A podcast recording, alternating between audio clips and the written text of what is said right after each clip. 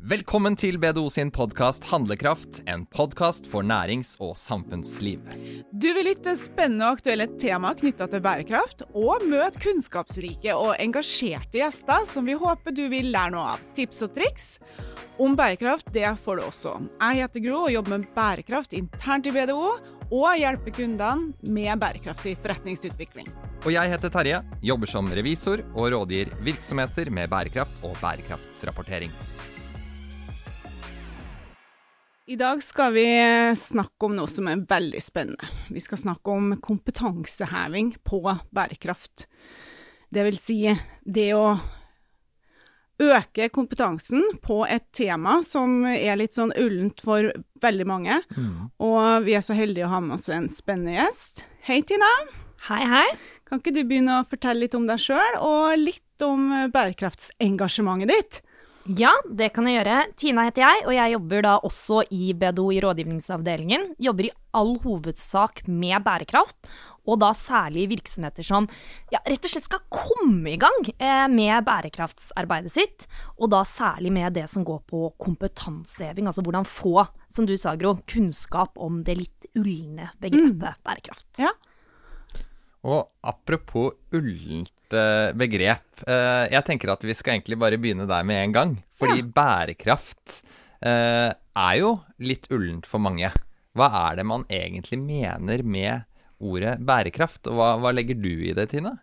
Og det er så bra å begynne der, Terje, fordi det, vi må liksom starte på det grunnleggende. Det er en del av det med, med, kompetanseheving. For når vi snakker om bærekraft eller bærekraftig utvikling, så handler det jo ofte om da en utvikling som ivaretar de behovene vi har i dag, uten at det går på bekostning av fremtidige generasjoners behov. Mm. Og det i seg sjøl, det er ikke noe nytt. Det er jo allerede fra Brundtland-kommisjonen i, i 1987.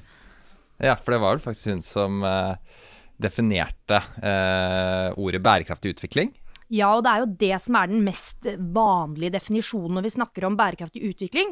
Men så er det jo også viktig å huske på at bærekraft som eh, konsept er jo også tredimensjonelt. Det vil si at vi snakker også om klima og miljø, vi snakker om sosiale forhold og økonomiske forhold. Og for å si at noe er bærekraftig, så handler det da om balansen mellom disse tre dimensjonene. Mm. Så det du sier at selv om noen ting er bra for klima og miljø, så er ikke det nødvendigvis bra og bærekraftig? Riktig, Gro. Det er akkurat det jeg sier. Og det er det innimellom at ikke alle helt forstår, eller at man bare tror at bærekraft kun handler om, om klima og miljø. Så det å få fram de øvrige aspektene av bærekraft, det er noe av det som er veldig viktig da når vi snakker om kompetanseheving og det å virkelig forstå bærekraft og ta bærekraft innover en virksomhet eller sin e-, eget liv, rett og slett. Mm. Apropos um, dette med å få opp kompetanse. Uh, de siste årene har jo virkelig bærekraft kommet på agendaen. Uh, hva er det du ser som den viktigste utviklingen på dette området? Uh, hvis man sammenligner f.eks. med noen få år tilbake, da? Mm. Ja, jeg tror vel kanskje det at langt på vei så er det det at man virkelig skjønner at bærekraft, det å jobbe med bærekraft, det er både viktig og riktig. Altså Tidligere så har man kanskje lagt liksom de store utfordringene i verden til type FN og nasjonalstaten Norge. Men det man ser, da, skal vi få til noe på bærekraft, så er ikke det lenger tilstrekkelig. Da må vi alle bidra. Og med alle så mener jeg liksom både bedrifter og, og virksomheter, organisasjoner, og ikke minst hver og en av oss som, som enkeltpersoner. Mm. Og nå snakker du om uh, bærekraft og FN. Mhm. Hva er connection der? Fordi at det er jo ikke alle som jobber med bærekraft som tenker nødvendigvis på FNs bærekraftsmål heller. Nei, og det er jo akkurat det der du er inne på der. ikke sant? FNs bærekraftsmål. Det er sikkert mange som, selv om dette er en podkast, sikkert sett de der fine firkanta boksene med masse farger og tall på og mye gode mål om alt fra likestilling mellom kjønn til å stoppe klimaendringene. Og det er jo det som er bærekraftsmålet. Altså 17 17 mål, mm. som egentlig er hele verdens felles handlingsplan for å ta tak i vår tids største utfordring. Mm. Eh, og der ligger jo da den, den linken. Eh, og mm. det treffer jo så bredt, disse 17 måla, at det, det treffer egentlig alle typer virksomheter, bedrifter, organisasjoner. Har du noe sånn eh, ditt mål i dag? Ja, altså, hva, ah, det er jo eh, alltid sånn Det endrer seg litt, gjør ikke det? Ja, eller både ja og nei, men altså faktisk god utdanning, det har vært en av de tinga som har vært viktig for meg egentlig hele livet. Ja. Den muligheten til å få gå på skole, til å få lov til å lære, og hvor viktig utdanning er som en vei videre. Altså skal vi løse vår tids store utfordring, så må vi også ha kompetanse til å vise det hvordan. Eh, og det er viktig. Ja. Og der er liksom eh, innledninga, eller oppspillet til meg, i forhold til at vi skal faktisk snakke om kompetanseheving. Absolutt. Nå har jo du dratt oss litt gjennom hva er bærekraft, og eh, hva er det som ligger til grunn når vi snakker om bærekraftig utvikling. Men hvorfor skal vi bygge kompetanse på bærekraft? Er ikke det nok å bare snakke om det? Nei. Nei. Det korte svaret. Altså, skal vi gå fra ord til handling, Ja. så trenger vi kunnskap og kompetanse. Og vi trenger ferdigheter. Mm. Så vi, vi må, for å komme i gang med det arbeidet, så må vi jo starte med kompetansehevinga. Vi må, må, må få et sånn felles kunnskapsgrunnlag. Litt de tingene vi snakker om nå. Hva er det egentlig, og hvordan, hvordan eh, kan vi jobbe med dette? Eh, så er det jo sånn at dette med å bygge kompetanse er jo viktig, som jeg var litt inne på at vi alle har et ansvar. Eh, men det er jo også, eh, kanskje særlig for en del eh, bedrifter eh, og virksomheter kjenner på, dette med at det kommer jo nye krav og forventninger. Altså mye fra myndighetene, nye lover, altså med åpenhetslov og rapporteringskrav. Men ikke minst forventninger fra innbyggere, fra ansatte, fra kunder, samarbeidspartner, til å, til å virkelig sette vår felles fremtid på agendaen. Da. Tror du det er eh, mye fordommer der ute rundt eh, bærekraft og hva som ligger i det? Man kan jo ofte møte en del motstand når man prøver å snakke om det. Kanskje noen bare venter på at det fortsatt skal gå over òg? Absolutt. Det er jo mange som Altså, mange er kanskje å dra den litt langt. Det er blitt færre, men det er fortsatt folk som venter litt på at det skal gå over. Ja. Men da er det jo også fint det at vi ser at det å jobbe ordentlig med bærekraft, og da, da vil vi understreke ordentlig og helhetlig og ikke grønnvasking, det å bare snakke høyt og ikke gjøre noe. Troverdig. Eh, ja, være Ja. troverdig. Så kan det jo også være et konkurransefortrinn Ja. i det å jobbe med bærekraft. Um, og da tenker jeg jo da på gjerne liksom de indirekte og direkte effekten av bærekraftsarbeidet. Det, det at folk har lyst til å jobbe hos deg fordi du tar bærekraft på alvor. Eller at du hele tiden tenker hvordan du kan være innovativ og, og, og tenke nytt på hvordan du produserer produkter, eller hvilken type tjenester og forretningsmodeller du legger til grunn for din, din virksomhet. Da. Ja. Og da jobber man med bærekraft på en troverdig måte. Men tilbake til det her med å bygge kompetanse, da. Ehm, hva tenker du for en organisasjon? Hvorfor bygge kompetanse? Hvordan gjøre det? Eh, kan du bare fortelle oss litt? Hva er din erfaring? Ja, altså når vi snakker om dette med hvordan bygge kompetanse, så tenker jeg at noe av det viktigste å kanskje se på først, det er hva er målet ditt med kompetansehevinga. Altså hva er det du ønsker å få til? Og da er gjerne et godt spørsmål å stille seg hvilken atferd er det jeg ønsker at skal bli ny, eller se hos mine ansatte, eh, etc. Eh, fremover. Og så starte der. For det, det er ikke noe problem å finne på ting og lære om bærekraft, men det å prioritere den kompetansehevinga som akkurat din organisasjon trenger, det er viktig. Men hvem er det som skal bidra til å sette de målene? Hvem er det som eh, skal på en måte ta lead i det arbeidet? Ja, altså jeg kan jo gi noen eksempler Ja. kanskje på hvordan vi ofte gjør dette når jeg går inn i en virksomhet og skal jobbe med kompetanseheving. Absolutt. Um, så handler det jo mye om ulike metoder. altså Ofte så legger vi det vi kaller backwards course design, for å på mangel av et bedre norsk ord. Um, Hva, hva, hva mener du med ja, det? Og det Ja. handler nettopp det uh, som jeg egentlig var litt inne på, at først og fremst må man sette målet. Hva er det du ønsker, hvilken endring er det vi ønsker å få til? Ja. Og når du har funnet ut av det, så må, kan man stille spørsmålet ok, hvordan vet jeg at denne endringen faktisk har funnet sted? Mm.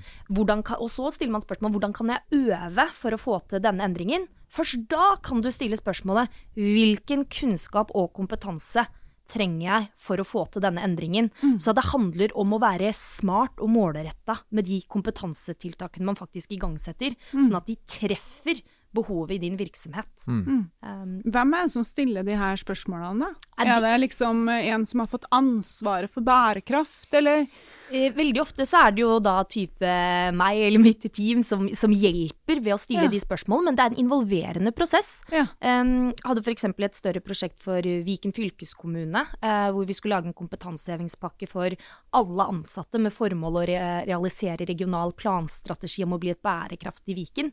Ganske svær bestilling.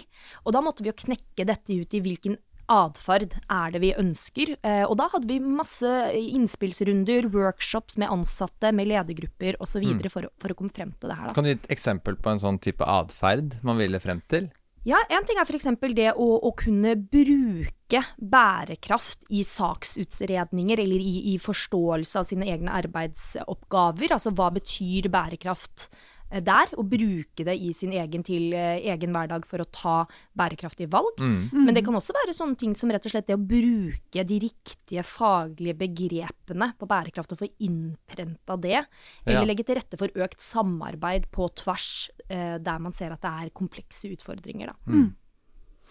Og når dere har skissert de her målene og læringsmålet, da starter vel jobben ute det? Ja, og da handler det jo om ikke sant, hvordan skal man tilegne seg denne kompetansen. Ja. Og det er jo det som egentlig med all type kompetanse, skal du få til det, så må det jo være engasjerende, det må være gøy, det må treffe deg, du må få med deg de ansatte. Eh, og da er det jo viktig å tenke på ulike metoder å, å bruke for, for å få til engasjerende læring, da. Mm. Men hva, hva ligger i den læringen? Hva er liksom et minimum man må ha på plass for å komme i gang? Ja, altså Ofte når vi, vi snakker om så handler det jo rett og slett om den grunn, helt grunnleggende kompetanse som vi ofte ser mange har behov for. Så handler det om hva er bærekraft? Ja. Hva er bærekraftig utvikling? Hva er de 17 bærekraftsmåla? Eh, hva betyr det for din type virksomhet i den bransjen eller den sektoren som du opererer i? Eh, hva kan dere som virksomhet faktisk bidra, og hvordan kan enkeltpersoner bidra? Altså starte på det grunnleggende, sånn at man har den felles forståelsen eh, for alle. Og så er det kanskje noen i organisasjonen som bør vite enda mer, da. Er det lett å engasjere i et uh, sånt arbeide? Ja eh, og nei. Altså, men nei, vi, da er det hvis man på en måte tenker litt sånn endimensjonalt, men når man tenker på ulike måter å engasjere, altså ha både digital læring og selvrefleksjon, altså at du kan få jobbe på egen hånd, kombinert med f.eks. workshops, Ja. dilemmatrening, eh, gruppearbeid, altså at man spiller på både digitale og, og mer tradisjonelle måter å lære og trene på. Og e-læringskurs. Ja, ikke minst. E-læringskurs er kjempe, en kjempeviktig del av det. jo faktisk uh, gjort det sjøl i, i egen virksomhet. Uh, faktisk uh, nesten 1400 ansatte av 1800 som har vært gjennom de fem modulene på eh, lærekraft, som vi kaller e-læringskurset vårt. Og det er også noen ting som, som vi faktisk bruker ganske mye. Veldig ofte når jeg jobber, eller vi er ute og jobber med kompetanseheving, så er dette e-læringskurset en del av pakka. Nettopp fordi at det er noe med å få en måte å kunne ta inn over seg kunnskap i sitt eget eh, eh, tempo, eh, når det passer deg, på en måte som du effektivt kan spre kompetanse på raskt.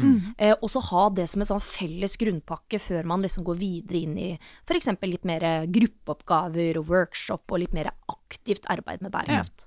Etter basiskunnskapen, da, så snakka du om spesialist... Ja, ja, for det er jo noe med at liksom, i en virksomhet da, så bør man tidlig kanskje tenke på hva er det alle må kunne noe om, som er gjerne denne grunnpakka. Og så er det kanskje noen i virksomheten som kanskje i lys av sin rolle, altså kanskje ledere, hva er det ledere, eksempel? Hva betyr bærekraft i en lederrolle?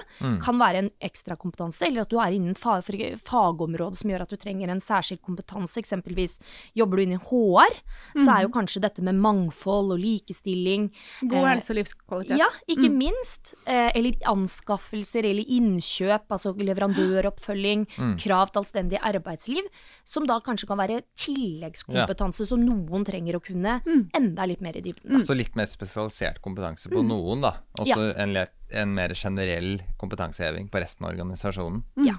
Og vi ser jo også at det her med å jobbe f.eks. mer kompetanse på miljøspørsmål er jo ofte svært relevant for virksomheter som um, har et stort fotavtrykk der. Ja. Um, hvordan uh, går man så videre? Ja, altså videre etter. Altså det, det er jo på mange måter ikke, ikke et stopp som sådan. Du kan jo alltid finne nye temaer og ting utvikles og holde kompetansen gående.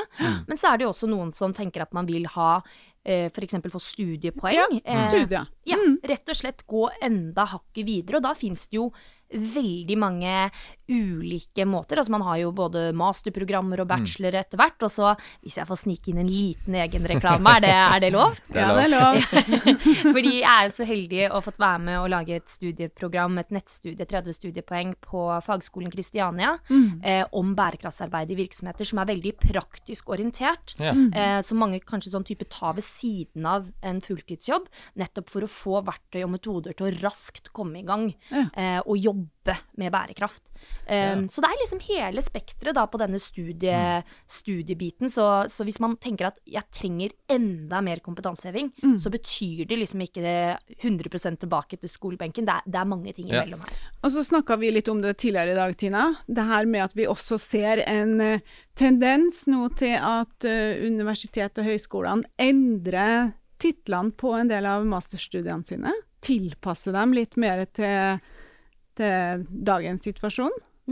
Og det, det ser man jo som mm. flere eksempler på, um, på hvordan em, ting som kanskje før snakket om etikk, så snakker man om bærekraft. Em, eller at man risiko og muligheter også handler Altså man putter inn bærekraft der det er relevant. Og så kan man jo tenke at dette, det er viktig at jeg Bærekraftsledelse. ja, ja, og så ser man jo kanskje også at det, det er på ordentlig. Det er ikke bare sånn stryke overskriften og bytte. Um, Det er ikke grønnvasking. Nei. Nei. Og jeg syns det var så fint, det var vel rektoren på BI som sa det for et par um, år tilbake, at um, skal man få til noe, eller hvis de skal fortsette å være relevante for uh, dagens næringsliv, Mm. så må de ha bærekraft inn i alle fag. Fordi det er det som kommer til å stå på agendaen for, for næringslivet fremover. Um, og det tror jeg egentlig alle in utdanningsinstitusjoner, om de, om de har næringsliv eller arbeidsliv mer hvitt som, som nedslagsfelt, ser, da. Men dette høres jo litt omfattende ut, tenker jeg, da. Eh, og eh, må jo ta mye tid. Eh, Ja. Se for deg et advokathus, da, som ikke har kommet ordentlig i gang. Som skal prioritere noe, for de ser at vet du hva, vi rekker ikke overalt. Hvor er det man burde begynne? Hva er liksom et minimum du mener at man bør ha på plass, da? Ja, og det er så fint du, du stiller deg spørsmålet, Terje, for det er jo lett å bli litt ivrig. Jeg kjenner jo på det sjøl, har jo lyst til å bare dra på full guffe på, på alt. Eh, men det å også, det handler jo om å starte et sted, ikke sant? Og ikke, ikke nødvendigvis ta seg vann over hodet heller. Så starte med et, et enkelt e-læringskurs, med en workshop. Altså starte gjerne Jeg tenker det er viktig at noen feilvurderer vel kanskje litt hvor moden man er. Ja. Eller at det er et sprik i organisasjonen. Så det å starte med det grunnleggende det ville jeg nesten gjort uansett. fordi da, har, da er man sikker på at alle har hørt liksom den samme grunnleggende eh, infoen. Og at det gjør det så mye enklere å ha de gode diskusjonene og arbeide mer med dette i etterkant. Så du snakker om et eh, kunnskapsgap her, da, eller et kompetansegap i forhold til hvordan man tror eh, man er i forhold til kompetanse om det, og organisasjonen egentlig hvor det er. Ja, og det, det ser vi ofte. Så, veldig, så det er jo en del av det vi ofte hjelper kundene med også, er jo å identifisere litt det gapet. Mm. Et par enkle verktøy, om det er noen undersø spørreundersøkelser eller kartlegging i forkant for å finne ut hvor, hvor er modenheten i dag, da? Mm. eller hva, hvilket kunnskapsnivå har man? Sånn, fordi det er jo noe med at hvis folk opplever at dette her kan jeg ikke så mye om, så istedenfor å rekke opp hånda og si unnskyld, kan noen fortelle meg litt mer om det, så kanskje man bare tier stille og ikke blir med i diskusjonen og ikke tar det innover seg. Og det er så trist. Hvis det liksom skyldes bare litt manglende innsikt. Så det å liksom sette fokus på det fra starten av, og så handler det igjen om at man kan bygge og skalere, og det, det gjør vi ofte. At vi starter i det små, og så kan man bygge på etter hvert som man oppdager nye behov Ja. eh, i virksomheten. Artig at du nevner advokathus, da. Fordi at uh, vi vet jo også at advokater de jobber jo egentlig med bærekraft hver dag. Kanskje de ikke er klar over det, men det her med å bidra til anstendig arbeid og økonomisk vekst gjennom at de jobber med arbeidsrett f.eks. Det er masse spesialfelt de kunne ha fått uh, trening på, tenker jeg også. Trening.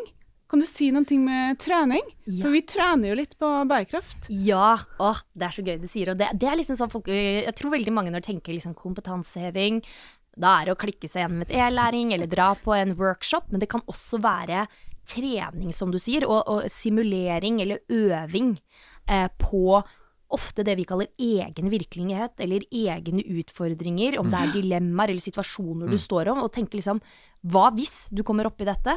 Hvordan ville du gjort? I lys av den rollen og den funksjonen du har, og faktisk få lov til å teste ut i litt ufarlige rammer før den dagen man faktisk står der og må ta denne, denne uh, avgjørelsen, eller før man liksom må håndtere denne type situasjon. Um, Så det, er jo, det å trene er jo noe, en, noe man har gjort i kompetanseheving lenge, men også inn i bærekraft så er det kjempeaktuelt. Å trene på ambassadører er jo også en eh, metode som jeg vet du har veldig forkjærlighet for.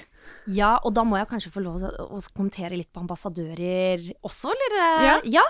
Fordi særlig i virksomheter som enten har litt størrelse, eller kanskje er ganske geografisk spredd, sitter på ulike nå, nå, nå har vi jo kanskje i løpet av, av, covid og pandemien blitt enda bedre til å jobbe digitalt, men allikevel er man spredd, så kan det være en idé å ha det vi kaller ambassadører. Altså Ja. noen som er liksom får kanskje en ekstra opplæring, som har et ekstra ansvar for å spre kompetanse og kunnskap om bærekraft ut i organisasjonen. Um, og det har vi også gjort internt, f.eks. Altså trent opp folk. Altså, vi er vel 1800 ansatte, Gro. 70 kontorer. Mm. 50 ambassadører. Yes! Mm. Fordi vi Foreløpig. Foreløpig. For vi kommer jo ikke rundt alle. Og det å passe på at man har folk som er trent opp, og som kan den, den grunnleggende kompetansen, som kan være en sånn førsteinstans for spørsmål, for sparring uh, ute i organisasjonene, er viktig. Og det, det er jo noe vi da ofte jobber med, nettopp det å trene et sånt ambassadørnettverk. Hva skal den rollen innebære? Hvilken type kompetanse skal de ha? Og ikke minst sette de i stand til å, til å, til å jobbe med bærekraft ute i organisasjonen. For det er jo en viktig del av den implementeringen av, eh, av den kompetansen som man da har bygget opp. Men hvordan skal man ta den eh, kompetansen videre ut i organisasjonen? Hva er liksom next step for å få noe igjen for den kompetansen man har bygd opp? Og investeringene man Ja. har gjort. For det er jo ingen hemmelighet at det her må jo settes av tid til. Mm. Ja. Det må jo føre til noe, tenker jeg da, som jeg blir litt nysgjerrig på. Hva er liksom, hva er steget videre nå? Ja, og det, er- det er jo litt sånn der, altså nettverket er jo en måte å spre kompetansen ut. Eh, og det er jo også for å sikre den derre eh, Jeg hadde jo et eksempel, eh, hvis jeg nevnte jo Fik, eh, Viken fylkeskommune i stad, og, og der trente vi opp folk i en del verktøy og metoder som de kunne bruke ut selv. Og man kunne jo tenkt at meg som konsulent at selvsagt eh, jeg vil reise rundt til alle avdelingene og trene opp, det, det kunne jeg gjort. Men det å sette dem i stand til å bruke de verktøyene selv, eh, og ta den kompetansen i bruk sjøl, sånn at verdien også ligger igjen hos dem. Sånn at dette kan de ta rett ut i egen arbeidshverdag og begynne å bruke.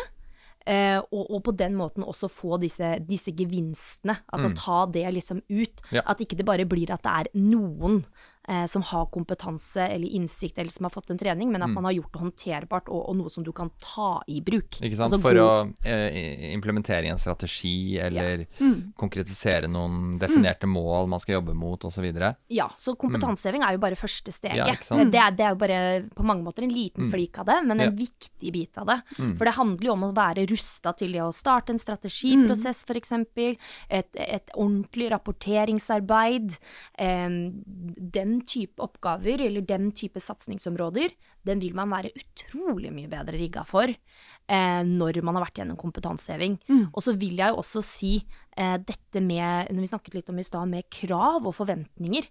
Det å være en god samarbeidspartner, en som liksom har gode verdier og kan stoles på, det er mye lettere å, å virkelig godt kommunisere eh, det gode arbeidet du gjør, og få fram at dette er på ordentlig. Hvis man har den kompetansen i bånn, da. Og så er det det her felles prosjektet som man har da, gjennom en sånn kompetanse, et kompetanseløp, da. tenker jeg er jo veldig verdifullt også for virksomheter. Eh, ha det som et sånt lite utviklingsprosjekt, for bærekraft handler jo veldig mye om utvikling. Det er jo FNs utviklingsmål. Ja, det er sant. Så utvikling er jo en kjempeviktig del av alt det med bærekraft. Og det er jo det vi ønsker å få til med den kompetansehevingen. Det å starte den reisen. Det å starte den Altså virkelig ditt eh, innsats for en bærekraftig utvikling. Ja. Kult. Hvordan er det å jobbe med dette her? Det ser ut som du brenner veldig for det. Vet du hva, det er kjempegøy. Og det var jo sånn jeg var liten og drømte om å bli både statsminister og popstjerne og virkelig gjøre en forskjell og ting i verden, så, så er det jo deilig å få lov til å kjenne litt på at ja, vet du hva, jeg, jeg tror faktisk at det lille vi kan bidra med alle sammen, og det man gjør gjennom denne type måte å jobbe på, faktisk gjør en forskjell. Ja. Og det er deilig å kjenne på når man står opp om morgenen. Har du fått noen aha-opplevelser på veien? Åh, mange. Det er jo mange gode historier fra kunder hvor man eh, virkelig skjønner at aha, her går det opp et lys, eller at man bare får eh, et eierskap til bærekraft. Og jeg vet ikke, har vi tid til å dele et, et lite et eksempel på slutten? For en veldig sånn fin opplevelse jeg hadde Det er faktisk noen år tilbake, men jeg var på en strategisamling eh, med et rene renovasjonsselskap Ja. hvor det var en del godt voksne personer der. Og så så jeg at det var en mann som meldte seg litt, litt ut. Så jeg gikk liksom bort og sier, du, hva liksom skjer her? Han bare sånn, jeg sitter bare her og reflekterer for meg selv. For jeg har liksom alltid tenkt at eh, med den, han, han kjørte da eh, renovasjonsbilen og sånn, og jeg har alltid tenkt på at liksom det er det som er det viktige jeg bidrar med. Men han var sånn, jeg er mange og 70 år og har fått jobb. Så jeg har kommet tilbake Oi. i arbeidslivet og får lov til å bidra i mange år til. Og i tillegg så har jeg fått en særlig rolle i å trene opp de yngre medarbeiderne våre. Og særlig så har vi noen som har kommet hit som kanskje ikke har riktige språkkunnskaper, trenger som jeg har fått litt de Jeg tar de litt ekstra unna vingene mine. Og jeg har aldri tenkt over at så mye jeg og min arbeidsplass faktisk bidrar, og så mye vi kan gjøre. Og for meg, det, det til den dag i dag, faktisk er liksom et av de sånn Ja, fineste Ja. øyeblikkene. Ja, å er virkelig kjenne eksempel. på konkret hvordan man bidrar, Mm. og, og at det kan gjøre forskjell både for lokalsamfunn, for virksomheter og ikke minst også for enkeltpersoner, og totalen Mm. av det her. Det er sånn vi får til noe sammen, og får til denne bærekraftige utviklingen. ja. Kult eksempel. Veldig kult. Jeg pleier å kalle dem som jobber med renovasjon litt for morgendagens helter. Fordi de jobber jo med egentlig noen ting som de ikke nødvendigvis ser viktigheten av, men det er jo veldig viktig, det bidraget deres. Så takk for at du delte eksempelet med oss, Tina. Vi nærmer oss eh, slutten på den her Vi kunne jo sittet her i vi timevis. men, Eh, men, men det er liksom én ting vi har lyst til å rappe opp med, da, som, Ja. eh, som vi kommer til å gjøre i disse podkastene fremover. For Mm. vi vil jo at dere lyttere skal ta med dere noe. Og, og da må vi spørre deg, Tina, om ut ifra det du har fortalt i dag, da, hva er på en måte det viktigste du vil at lytteren skal ta med seg for å lykkes med kompetanseheving, eller for å komme i gang? Mm. Eller for eh, å vise handlekraft. for å vise handlekraft på dette Ja. området? Ja. Um, jeg vil jo først og fremst kanskje si at ikke undervurder viktigheten av kompetanseheving. Altså som, for å få til handlekraft, da, altså klare å gå fra ord til handling, så må man få med seg organisasjonen, og man må skjønne hvordan man kan bidra, og det krever kunnskap og kompetanse. Um, I tillegg så vil jeg jo si at det å sette seg noen mål hva er det du ønsker å få til med denne kompetansehevinga? Hvordan skal deres virksomhet endre seg eh, fremover? Uh, og sist, men ikke minst når vi først er inne på det, legg til rette for engasjerende læring. Altså, det skal være gøy. Man skal kjenne på at ved å få denne kompetansen og denne kunnskapen, så lærer jeg noe nytt. Jeg er med og gjør en forskjell, og kan også være nyttig både for verden og for virksomheten.